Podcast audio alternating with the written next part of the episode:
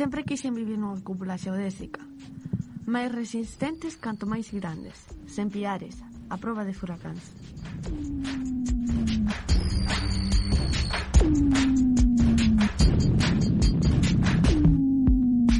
Sempre quixen vivir nunha cúpula. Sentirme a salvo. A salvo de que? De todos, de todo. Pensas que estás en perigo? Non sei. Non, non é iso. É que ás veces sinto como que ninguén pode protexerme e iso provoca mi inquietude. Síntome vulnerable. Pensas que tens que ser sempre forte? Non é o que pense, é que tes que selo, ou polo menos facer como se, como se foses forte, para que ninguén cheire o teu medo. Meu avó dicía que os cans poden cheirar o medo, que se non tes medo, non te atacan ready for action. Nip it in the bud, we never relaxing. Outcast is everlasting. Not clashing, not at all. But see, my new do a little acting. Not for anyone asking, anyone passing. Drip, drip, drop, there goes and air gassing. Now you coming out the side of your face, we got right into your memory bank. Sempre quixen saber como cheira o medo. Que tipo de olor será? Olirá ben? Como as flores? Ou será máis en plan lixo? Podredume. Mais o segundo. De que te rís? Non é... Non. Non, de nada. Estaba pensando en peitos con cheira por a medo. que bruta és?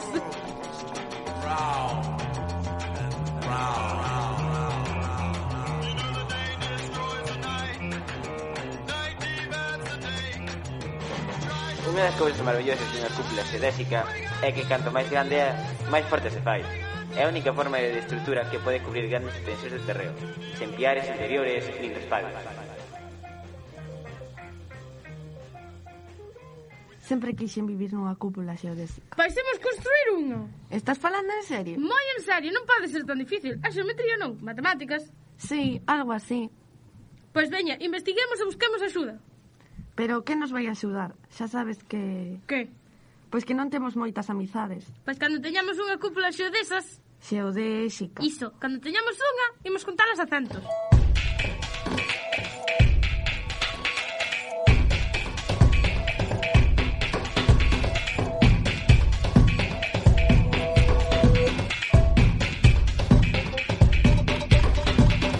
Veña, levanta o mon. Non, a dar. Nada, que?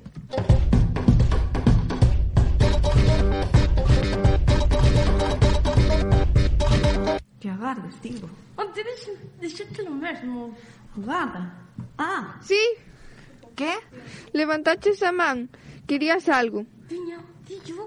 Maldita sexa, están todos a ollar para, para min. Xa che vale. Vas dicirnos algo ou podemos seguir? Veña. Están a rir de min. Míraos. Fala. Unha cúpula xeodésica. Que? Diseches que se tiñamos algunha idea para o proxecto deste ano. Ah, si. Non estábamos con ese tema agora. Pois eu propoño unha cúpula xeodésica.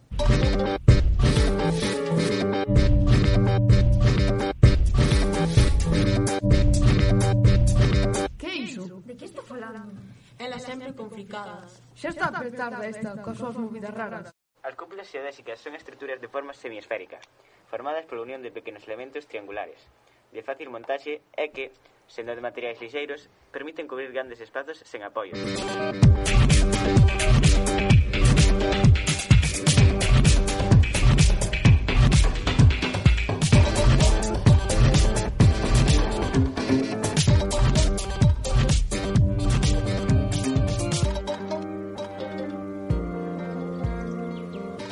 Ben, como ninguén máis propuxo outras opcións Imos formalizar a directiva a proposta da compañeira para construir unha cúpula nos exteriores do edificio.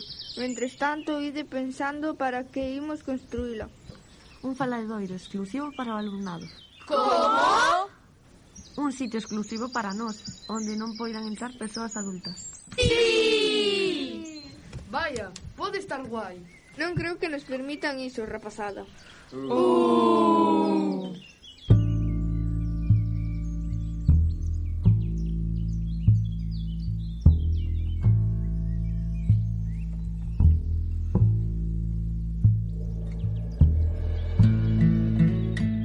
Os triángulos forman elementos hexagonais e pentagonais, sendo estes últimos a clave para curvar a superficie.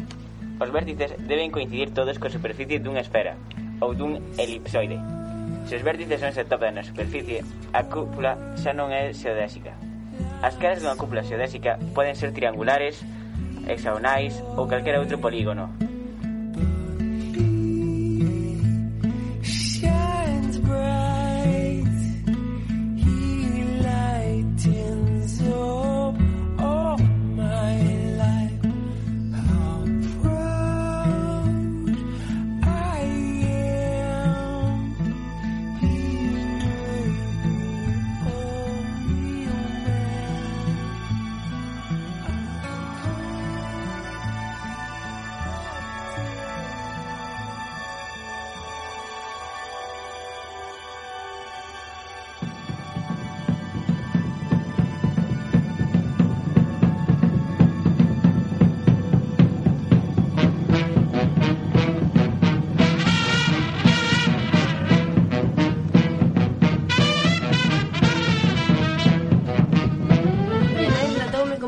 axudaron a construir unha cúpula xeodésica. Acabou sendo un proxecto dun club do instituto. Faloume do poder dos espazos. Sobre todo dos espazos compartidos, onde as persoas podían acudir para facer realidade as ideas. Só vi unha premisa. Todas as palabras son posibles e benvidas. Dentro desa cúpula comezou a transformación.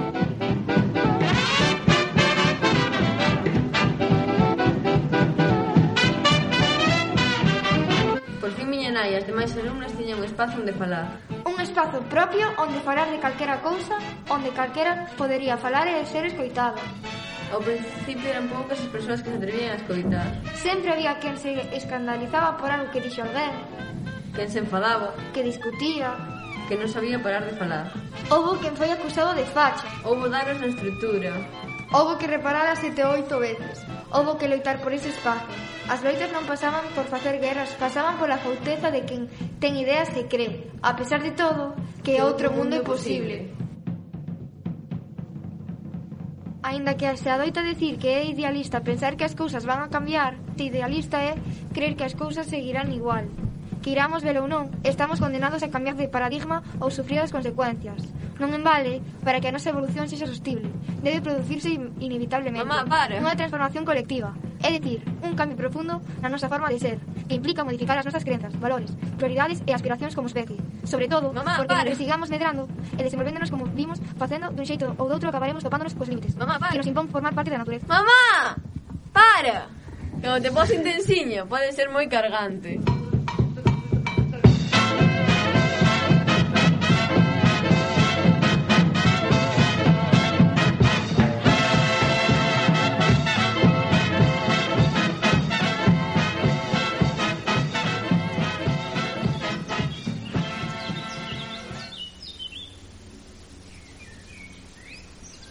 xente. Non podo creer que non viñara ninguén. Boas tardes. Estás ti soa? Pois... Toma. Un pau. Unha estaca. Ah. Dispoñemos de todo este espazo para a construcción. Grava a estaca no que consideres que é o centro. Atas esta corda á estaca. Frouxa, para que xire ao seu redor. Logo afástate da estaca tanto como desexes que sexa de grande, a cúpula. É o radio da circunferencia. Atas a corda a túa cintura e xiras co fío ben estirado. Será como un ritual de iniciación. O qué? Un ritual. Que che dixen? Un intenso da vida. Podes poñerme unha canción? Unha canción? Claro, tería que ir polo altofalante. É un bo tipo. Sí, para ser profe, sí. Pero mira que as bruta. Sinto. Imos. Imos.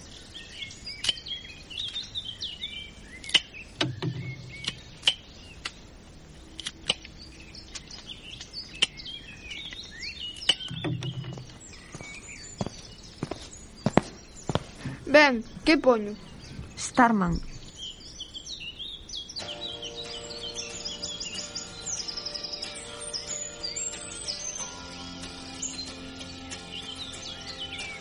Esa? Non é? Sí. Que fai? Bailar alrededor dunha estaca atada cunha corda. Está fatal, que demonio. Sí, que demonio. Onde vas? A bailar. Pero por qué?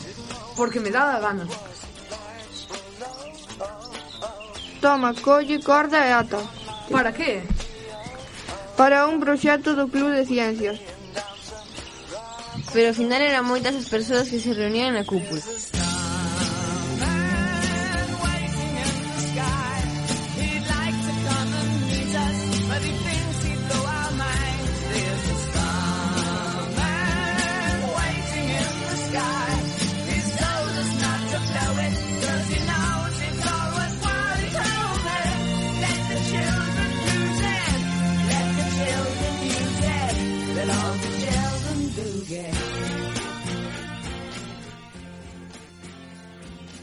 Había música, danza, poemas, monólogos de humor, teatro, había moita cultura, moita arte. Comenzaron a acudir grupos coñecidos e artistas de moitos lugares que se interesaban polo que estaba acontecendo na cúpula. Un momento, vos quen sodes? Futuribles. O que? Pois xente que viviu aquilo, ou pode que xente que lle gustaría que tivere sido. Hubo quen organizaba botellóns dentro. Xeron pichala. Había leis que non permitían espazos en control da directiva dos centros. Pero ao final eran moitas as persoas que se reunían na cúpula. Houbo quen denunciou que había profesores infiltrados que intentaban manipular políticamente o alumnado.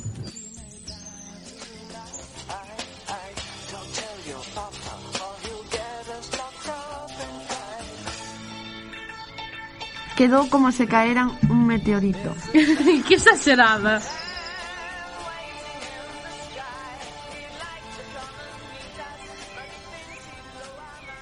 Aquela cúpula foi só un ensaio. A grande, a de verdade... Aquela foi de verdade. Ya sabes a que me refiro. A grande, a de verdade foi logo. Cando aquilo, aquela corrente xa non se podía parar. Ían a clase con outra sensación, sentimento. Non sabería como chamarlle. Ilusión? Ilusión?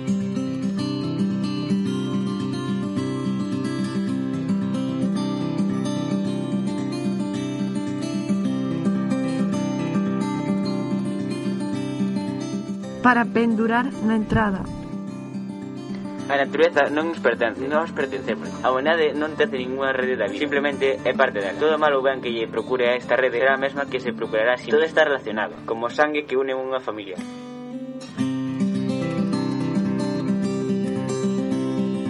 Hoxe todos os centros de ensino teñen unha cúpula xeodésica. Nela podemos dar cabida a todo o que pensamos que falta dentro das aulas. Todos pensamos que foi unha casualidade, Outros decían que foi un despertar colectivo. Outras, algo que se puxo de moda. Pero todo o que se pode sentir trascéndense o tempo, volvese eterno. Inmortal como Superman. Superman non é inmortal. Si sí que o é. Non tes nin idea, non o é. Que si sí que o é. Que non o é. Que si. Sí. Que non.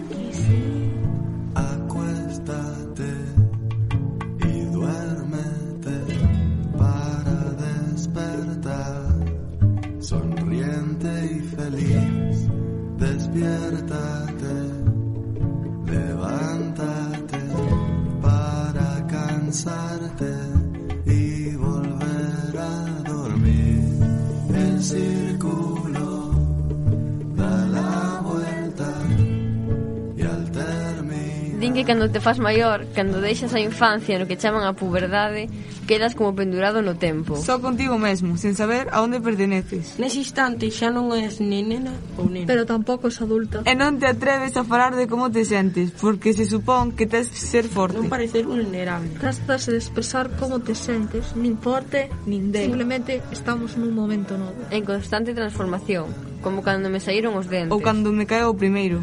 Cando aprendín a andar. E a falar a ler a escribir o primeiro día no cole. Non me acordo de cando foi, pero sei que foi. Todo o noso amor para as nais e pais, para as aboas e avós, para as nosas familias, pero non o souberon. Ou non poderon facelo mellor. Todo o que había que facer era cedernos un lugar. Non deixarnos sós, pasando este tempo as nosas vidas agochadas, con medo a ser ou a dicir porque era infantil ou porque cuestionábamos todo o tempo o que decían os adultos. Este espazo é noso e imos habitalo xuntas.